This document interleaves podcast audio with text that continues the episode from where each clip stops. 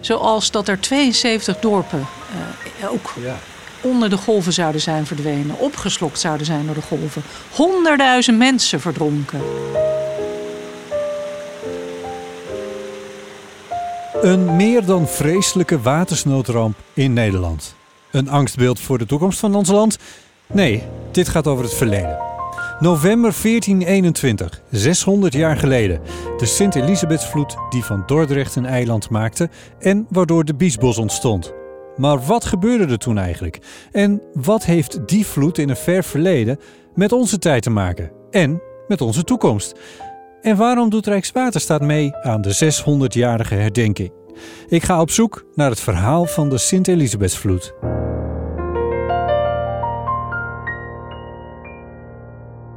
Welkom bij de podcast van Rijkswaterstaat. Mijn naam is Botte Jellema. Deze aflevering gaat over de herdenking van de Sint-Elisabethsvloed. Het was een stormvloed in de tijd voor journalistieke verslaggeving. Er zijn geen beelden van en zelfs geen krantenberichten. Maar des te meer mythische verhalen. Zoals dat de Biesbos in één nacht zou zijn ontstaan. En misschien wel de belangrijkste mythe.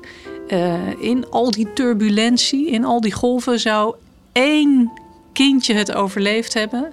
Het kindje in de wieg, dat dankzij een zwarte kat uh, die die wieg in balans hield, uh, die zou het gered hebben. Dit is Lotte Jensen, hoogleraar Nederlandse literatuur en cultuurgeschiedenis aan de Radboud Universiteit Nijmegen.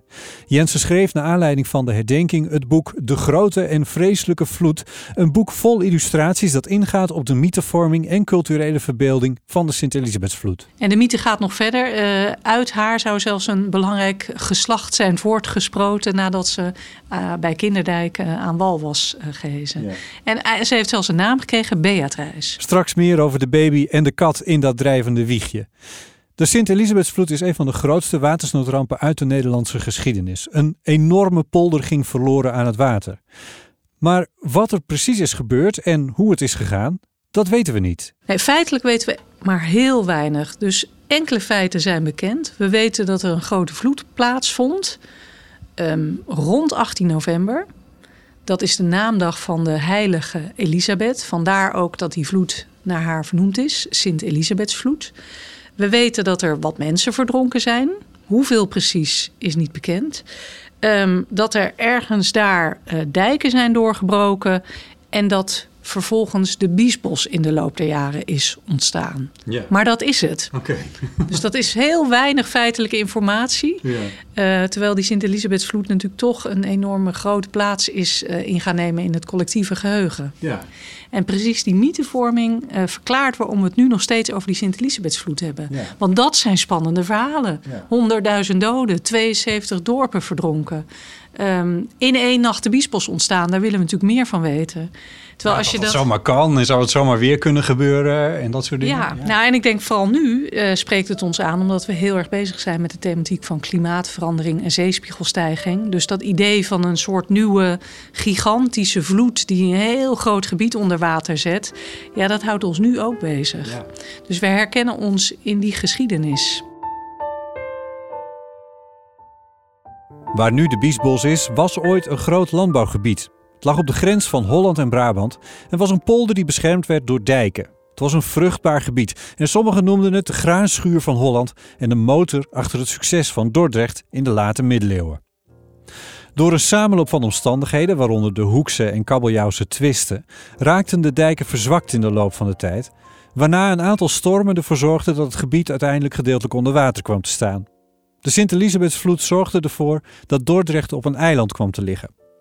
Lotte Jensen beschrijft hoe dergelijke gebeurtenissen bij hebben gedragen aan het ontstaan van een Nederlandse identiteit. Ja, er is een hele rijke traditie van het verbeelden van overstromingen, overstromingsrampen in literatuur. Dus na iedere ramp, um, van de 1570 tot en met 1953, verscheen een stortvloed aan kinderboeken, gedichten, verhalen, um, kronieken preken, allerlei vormen, liederen, om ja, eigenlijk uiting te geven aan wat er gebeurd was. En die verhalen die hebben eigenlijk altijd een soortzelfde verloop. Dus er is een verschrikkelijke storm. Mensen zijn in angst en paniek, vluchten op zolder, uh, grijpen takken vast in bomen. Dus echt angstaanjagende scènes. Maar je hebt ook altijd helden in die verhalen. De mensen die opstaan om anderen te helpen. Um, en vooral in kinderboeken zie je dat element van die held heel erg goed uitgewerkt. Dus na 1953 verschenen er ook uh, tal van kinderboeken. En daar zie je ook vaak heel jeugdige helden. Dus uh, een zekere Rickert die zijn moeder redt. Rickert en de ramp bijvoorbeeld. Of uh, een bekend verhaal van Jan de Hartog over een ark. Um, waarin ook eigenlijk drie kinderen de hoofdrol spelen en, en zich uit die stormvloed weten te uh, redden. Hmm. Dus het zijn vaststaande motieven die het heel goed doen in uh, literatuur over die ramp. En tot slot is er dan ook eigenlijk uh, altijd een soort ja, verwerking, een, een vrijwel altijd ook een religieuze of een morele boodschap natuurlijk. Hè. vroeger was dat verbeter je zonde, verbeter ja. jezelf, opdat God niet opnieuw zo'n straf stuurt. Ja, precies. Tegenwoordig uh, is dat een ja, uh, wat minder religieuze boodschap. Maar kunnen mensen zich wel spiegelen aan het idee dat je na een ramp ook weer uh, kunt wederopbouwen. En dat er ook weer een toekomst is na de ramp. Ik besluit om een kijkje te gaan nemen in de Biesbos. Ik vind er natuurlijk niet echt iets terug van wat er al 600 jaar geleden is gebeurd. Maar ik wil het gebied zien en ruiken en horen. Het eerste dat me daar opvalt is hoe groot het is. Ik zie weilanden met vee, boerderijen op terpen, heuvels en rondom industrieterreinen. Een kleine in de Biesbos zelf bij Werkendam en verderop die van Hardingsveld, Giesendam en Sliedrecht. En in de verte zie ik Dordrecht. En ik zie veel natuur en water, plassen met vogels, bossages en rietvelden.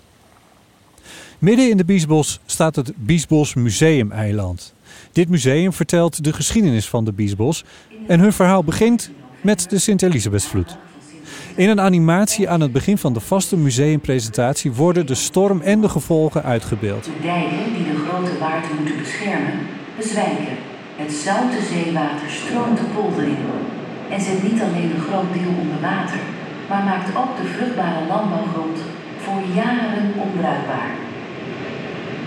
Bewoners van de naastgelegen gebieden moeten hun vegenlijf redden. En dieren zoeken hun heil waar ze kunnen. Dorp na dorp wordt door het water verzwolgen. Ik ontmoet de directeur van het museum, Peter van Beek. Kijk, en hier zie je een schilderij wat we in bruikleen hebben van het Noord-Brabants Museum. En dat is die hele waard in beeld gebracht vanaf de grote kerk van Dordrecht. Zeg maar. Het is een groot en wat naïef romantisch schilderij uit 1857. Ik herken de stijl en de elementen van de afbeelding op de voorkant van het boek van Lotte Jensen. Dat was een altaarstuk dat nu in het bezit is van het Rijksmuseum in Amsterdam. Dat is een afbeelding van de Sint-Elisabethsvloed, gemaakt zo'n 70 jaar na de gebeurtenis zelf. De schilder die het werk heeft gemaakt dat hier in het Biesbos Museumeiland hangt, heeft zich daar duidelijk door laten inspireren. als je dichterbij loopt, dan zie je de plaatsnamen ook allemaal een beetje staan. Hè? Je ziet hier uh, een vruchtbaar landbouwgebied. Kijk, Werken, Almkerk, Werkendam, Houweningen. En dit, Ooit was dit een die ramp die strekte zich helemaal uit tot Waalwijk, hè, tot de Zeedijk uh, Waalwijk. Dus het is best wel een enorm, uh, enorm uh, gebied. Ja. Ook hier, als je het dan eventjes goed bekijkt, inderdaad wel huizen die in het water staan en ook boten zien we. Maar ook veel land nog steeds. Uh, een soort van dijkjes of, of, of soort duinachtige dingen waar je dan toch overheen kan komen. Wat als het niet onder water staat? Ja, het staat in het water. Dus dan is het onmogelijk om daar nog te boeren. Ja, dan heb jij ook zoiets van, ja, wat zal ik hier dan blijven wonen? Dus waarschijnlijk is, is een hoop gewoon ontmanteld en elders hergebruikt. Omdat stenen natuurlijk wel, wel kostbaar bezit waren. Ja, ja. Het water komt eraan, maar op de afbeelding zie je dat de mensen toch wel tijd hebben gehad om hun biezen te pakken. Om maar in lokaal jargon te blijven. Dat maakt het al wat onwaarschijnlijk dat er 100.000 mensen zijn verdronken. Al was het ook maar omdat er bij lange na geen 100.000 mensen in de Grote Waard woonden in 1421. En ook hier weer. En een leuk detail is natuurlijk het wiegje met uh, ja. kindje Beatrice erin, met de poes voorop. Dat drijvende wiegje met de baby en de kat. Een beeld dat te herleiden is tot dat altaarstuk over de Sint-Elisabethsvloed uit 1490. Lotte Jensen vertelt dat dat een heel eigen leven is gaan leiden in vertellingen over overstromingen. Het kwam zelfs terug in de film De Storm van 12 jaar geleden over de watersnoodramp van 1953. Ja, en ook daar komt een scène in voor waarin een kindje in de wieg gered wordt uit uh, de golven. Ja. Maar dan in 1953. En het geeft aan hoe krachtig dat motief van een kindje in de wieg, een zuigeling, een baby, ehm, is gebleven. Ook na die Sint-Elisabethsvloed. Maar het gaat dus oorspronkelijk terug op de Sint-Elisabethsvloed en meer precies op de panelen die een onbekende schilder zo rond 1490, dus 70 jaar na de vloed, heeft gemaakt. En die panelen die, ehm, zijn op zeker moment verhuisd van de Dordrechtskerk naar het Rijksmuseum. Ehm, en ze bestaan ook uit eigenlijk vier grote taferelen, vier panelen. En een heel klein detail op een van die panelen is precies dat kindje in de wieg met een zwarte kat erop. En dat is zo'n motief dat je eigenlijk vanaf de middeleeuwen tot op het heden ehm, terug ziet keren bij watersnoden. En niet alleen bij de Sint-Elisabethsvloed. En waarom is dat zo? Ja. Het is eigenlijk een, een symbool van eh, hoop. Er wordt, worden toch mensen gered. Ehm, de baby heeft ook een naam gekregen, Beatrice. Het is zelfs zo dat er dit jaar een standbeeld of een beeld wordt onthuld, genaamd Beatrice bij Kinderdijk. Dus fictie en werkelijkheid gaan hier helemaal in elkaar overlopen, zou je kunnen zeggen. Eh, het, la- het leent zich heel goed voor eh, verbeelding in de kunsten, in literatuur, maar ook natuurlijk in de geesten van mensen. Mensen houden van dit soort eh, hoopvolle, troostrijke verhalen. Het doet het ook goed in kinderboeken trouwens. Want er zijn ook kinderboeken over de Sint-Elisabethsvloed geschreven. En precies dat element van een kindje in de wieg, dat is een spannend element. Want in sommige kinderboeken komt er dan een meisje voor dat 12 jaar oud is. En dat blijkt dan natuurlijk dat kindje in de wieg te zijn. Dus het kan op allerlei momenten weer worden eh, opgepakt, dat verhaal. En worden uitgebreid en verdiept. Is dat in Nederland dan bijvoorbeeld ook anders dan, eh, ja, voor zover u dat dan weet, maar eh, met bijvoorbeeld buurland Duitsland? Weliswaar hebben ze daar ook genoeg water waar genoeg problemen mee kunnen ontstaan. Maar Nederland is met name nou het land waar dijkdoorbraken bij horen. Is dat, is dat zo'n verschil bijvoorbeeld in die mythevorming? Nou, heel interessant is dat sommige eh, motieven zijn precies hetzelfde. Ook in Engeland en in Duitsland. Dus het motief van het kindje in de wieg... dat vind je ook in Duitse pamfletten van vroeger. Of in Engelse literatuur. Dus dat circuleerde internationaal. Zo krachtig is dat eh, motief. In het Biesbos Museumeiland hebben ze in de vaste expositie nog een afbeelding van een kindje in een drijvend wiegje. En in dit geval met een kat die boos in onze richting blaast. Dus, En daar zien we Beatrice weer met eh, Ja, dit geval Onvermijdelijk, hè, in zekere zin. Hè. We hebben in die expositie, laten we daar ook wat van zien, in onze wisselexpositie. Maar dit verhaal, ja, hè, we hebben Mozes in een mandje gehad. We hebben in Groningen ook iets gezien van een vloed waar dit tafereel naar voren komt. Dus hè, in de Biesbos zelf hebben we volgens mij eh, voor ons Kinderdijk en Dordrecht, ja, die ook allebei eh, ja, daarvan eh kont doen. Dus eh, ja, En ik begrijp van Lotte dat het zelfs in, in Engeland en in Duitsland als, als mythe ook bestaat. precies. Ja, en, ja klopt. Dat vind ik trouwens wel, dit vind ik wel de engste variant die ik heb gezien hoor. Die kat die is wel echt heel. eh, Ze hebben een hekel aan water, maar dit gaat wel ver. Ja, en het kind ligt er, eh, ja, ligt als een roosje te slapen, inderdaad. Eh, ja, ja. Ook wel weer apart. Wel leuk om te zien. Ja. Maar wat wel bijzonder is voor Nederland, is natuurlijk dat dat water, die strijd tegen het water, een kernelement vormen eigenlijk van het verhaal van die Nederlandse identiteit. Wie zijn wij? Waar leven wij? Waar wonen wij? Eh, hoe hebben wij eigenlijk van eh, water land gemaakt? Dat is in zekere zin de heroïsche kant van het verhaal. Hè? De drooglegging van de Beemster, van Haarlemmermeer, de bouw van de afsluitdijk en de deltawerken. Dat zijn eigenlijk de succesvolle momenten waarop het water bedwongen is. En tegelijkertijd is er ook die kant van de, ja, ook wel de, de kwetsbaarheid van Nederland, die door de eeuwen heen benadrukt is, omdat we zo'n lange geschiedenis van overstromingen hebben. Dus het gaat eigenlijk over die twee pijlers, kwetsbaarheid en trots. Eh, en dat zijn eigenlijk de twee elementen die ook terugkeren in al die verhalen, eh, culturele verbeeldingen over die strijd tegen het water.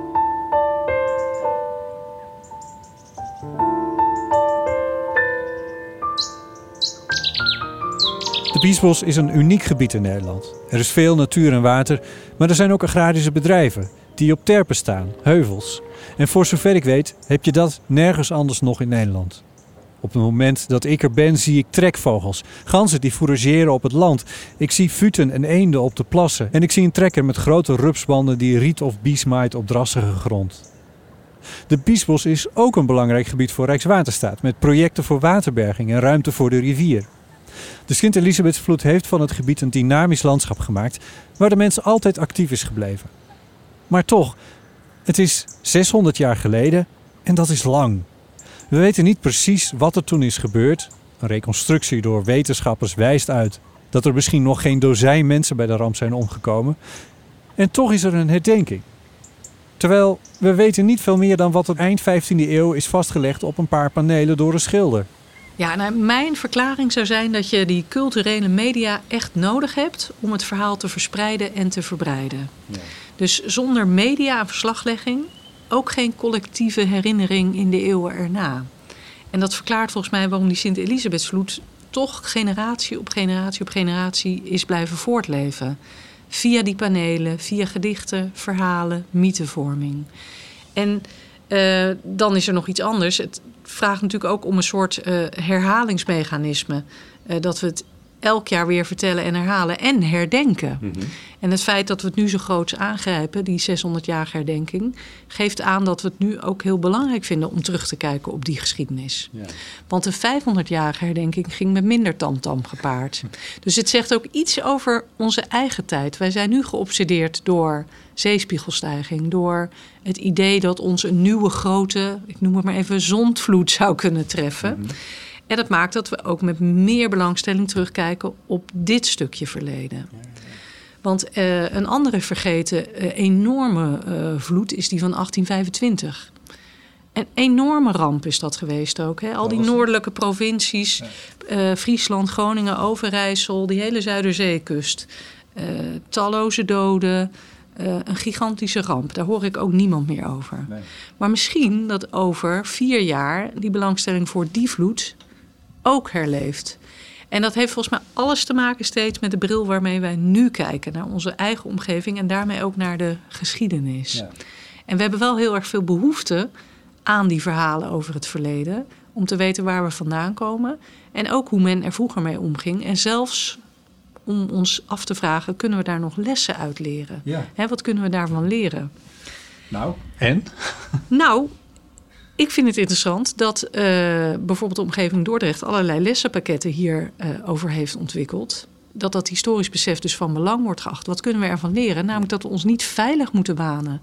We hebben droge voeten, maar die hebben we niet vanzelf. En blijven investeren in uh, goede waterwerken is van levensbelang. En klimaatbewustzijn is ook van levensbelang. En volgens mij kan die Sint-Elisabethvloed, die kan daar ook weer instrumenteel worden ingezet om je te doen beseffen uh, dat wij hier nu op dit stukje land leven, is niet vanzelfsprekend. Ja. We zijn ook overstroomd geweest, ja. talloze malen. En dat hebben veel mensen met de dood moeten bekopen in het verleden. In 1953 zijn ja. er nog, uh, wat is het, 1836 mensen om het leven geko uh, gekomen. En ja, technologie biedt wel antwoord op veel problemen. Maar nee, niet op alle problemen. En volgens mij is die Sint-Elisabethsvloed is nu echt zo'n heel mooi markeringsmoment een soort spiegel um, waarin we kijken en die ons dus ook iets leert over kwetsbaarheid. Kwetsbaarheid in de omgang met het water. Ja. Nou ja, wat dat betreft was uh, afgelopen zomer was ook wel een lesje in uh, nederigheid uh, natuurlijk. Ja. Ja. ja, en daar komt trouwens nog iets bij, want in die Sint-Elisabethsvloed, we moeten het nog even over die figuur Elisabeth hebben natuurlijk, de heilige Elisabeth. Daar zit nog een andere mooie symbolische boodschap in. Zij was namelijk ook uh, de heilige van uh, liefdadigheid, caritas. Om het geven, uh, om armen. ze verzorgde ook zieken. Dus een symbool eigenlijk voor naaste liefde zou je kunnen zeggen. En ook dat is een mooie, noem het maar, een les of een spiegel voor het heden. Dat je um, die strijd tegen het water of het leven met water. daarin moet je omzien naar anderen. Mm -hmm. Want je bent net zo kwetsbaar als je buurman. En net zo kwetsbaar als de mensen in Limburg. Het treft nu toevallig Valkenburg heel hard. En de mensen in België en Duitsland. Maar uh, het kan jou ook gebeuren. Zo ja. kwetsbaar is Nederland. Ja. En dat maakt dat het echt eigenlijk een collectieve onderneming moet zijn. En daar vind ik die Elisabeth-figuur mooi in. Omdat zij precies dat omkijken naar kwetsbaren en armen symboliseert. Dus ehm, in die zin, hè, die oproepen om te doneren voor de slachtoffers in België. Uh, ja, zoals in Limburg. Ja, ja. ja Limburg. Uh, die zijn er niet voor niks. Nee. Help de mensen die het nodig hebben. Ja.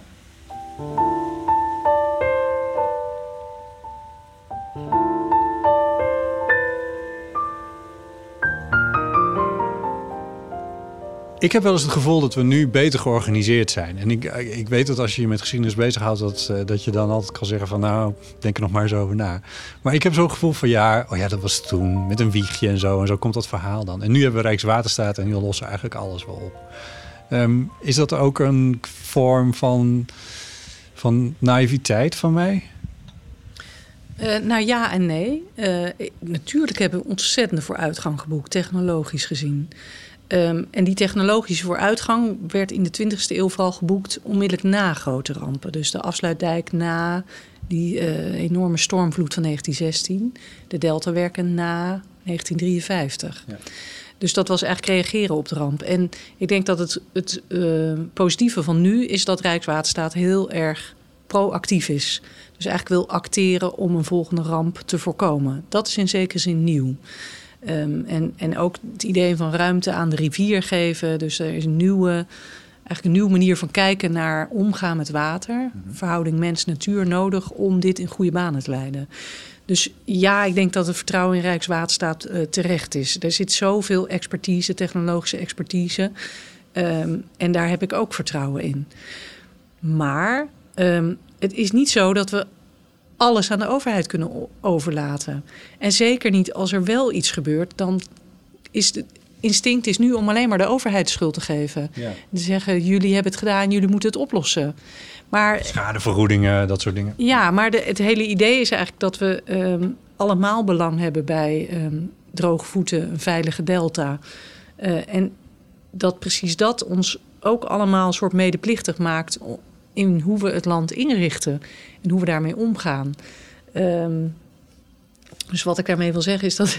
Nou, het klinkt bijna een beetje pathetisch, maar we zijn allemaal een beetje Rijkswaterstaat. We, we, dat, dat waterbesef, eigenlijk al via op scholen en educatie, dat zou eigenlijk veel dieper nog moeten indalen in, in de uh, in wat we aan bagage, aan kennis hebben. En daar kun je dus die geschiedenis over die Sint-Elisabethsvloed, de ramp van 1953, heel goed voor gebruiken. Omdat denk ik dat verhaal alleen maar van trots en veiligheid uh, onvoldoende is. Eigenlijk moet je het juist hebben over die kwetsbaarheid. Ja. Het is niet iets waar ingenieurs graag over praten. Nee, en gelukkig maar, want uh, ze, ik heb ook veel vertrouwen in wat zij kunnen. Maar wat we wel, waar we wel, zeg maar, die, die andere kant, die verbeelding voor nodig hebben, is, maar hoe bereik je mensen om ervan te overtuigen dat dit heel belangrijk is en dat we adaptieve strategieën voor de toekomst nodig hebben? Dat kun je alleen maar met uh, overtuigende verhalen. Verhalen. Waar we uh, op de manier um, veerkracht uitputten, symbolische verhalen. Um, uh, waarin we het belang hiervan zien. Dat zijn dus narratieve strategieën die je nodig hebt. Een verhaal van alleen maar een ingenieur bouwt een dijk en lost het op, gaat niet meer werken. Dat is niet genoeg. Het is ingewet in een cultuur en een cultuur vertelt verhalen over zichzelf. Uh, en in die narratieve strategieën moet je heel goed nadenken of je heel alarmistische boodschappen wil uitzenden. Als we niks doen, gaan we ten onder. Of je een heel technologisch verhaal weer vertellen. Geen zorgen, techniek gaat het oplossen. Of een meer een ecologisch verhaal. Natuur en mens moeten het in harmonie gaan oplossen. En natuur en techniek moeten allebei een rol krijgen in dit verhaal voor de toekomst. En wat ik daarmee wil zeggen is, je hebt dus die verhalenvertellers en mensen met verstand van um, hoe al eeuwenlang wij verhalen vertellen over die strijd van het water, nodig om na te denken over wat wel en niet uh, land bij mensen, wat wel en niet draagvlak creëert, waar mensen wel niet op aan kunnen sluiten. En mijn ervaring is dat ze bij geschiedverhalen, ook in fictionele vorm, juist, hè, dus op het witte doek, uh, via grote uh, visuele verbeeldingen, via foto's, ehm, maar ook verhalen die je blijft vertellen over het verleden, dat dat een snaar raakt. Dan voelen mensen zich verbonden met een regio, met een streek, met een land. Uh, en beseffen ze ook. Waardoor je dan, als je de beelden van Valkenburg op uh, je televisie ziet en je woont gewoon in, in Arnhem of in Amsterdam, dat je dan toch even je hand voor je mond slaat van ach, die arme Limburgers. Dat, die saamhorigheid. Ja, precies die saamhorigheid. Dat, dat hoop ik althans dat die rol, in ieder geval ook de cultuur daar een grote rol in kan spelen. In het creëren van iets zoals saamhorigheid. Uh, besef dat dit niet een probleem is alleen van Limburgers in dit geval, maar van ons allemaal. Um, en dat, dat, dat, moet die, die 15e eeuwer, uh, die, uh, die anonieme 15e eeuwer die dat altaarstuk heeft gemaakt, die moet dat ook gedacht hebben. Van dit, wordt een, dit is een verhaal, dit is, hier wil ik iets mee uitdrukken, hier wil ik een... Ja, eigenlijk na dit soort rampen, de manier waarop we de uiting aan geven, is altijd via cultuur, via verhalen. Want cultuur biedt, biedt troost, veerkracht. Uh, is ook een vorm van rouwverwerking, zou je kunnen zeggen. Je mhm. geeft het een plek in je lokale en ook nationale geschiedenis. Ja. Dus we kunnen eigenlijk niet zonder die uh, cultuur in dit geval. Ja. Heb je de romantiek uiteindelijk toch nodig?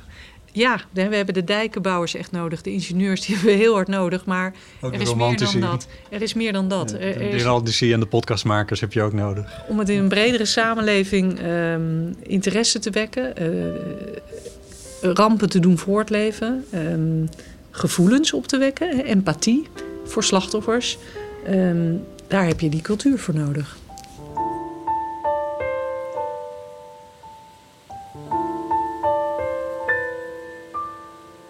Je hoorde Lotte Jensen, hoogleraar Nederlandse literatuur en cultuurgeschiedenis aan de Radboud Universiteit Nijmegen. Haar boek De Grote en Vreselijke Vloed verschijnt bij de expositie over de Sint-Elisabethsvloed in het Dordrechts Museum. Een expositie die is te zien tot begin maart 2022. Lotte maakte het boek samen met Hanneke van Asperen en Marianne Eekhout. Verder hoorde je Peter van Beek van het Biesbos Museumeiland, waar ook een thematentoonstelling over de vloed is te zien, tot eind november 2022. Dit was een aflevering van de podcastserie over het werk van Rijkswaterstaat. Bedankt voor het luisteren.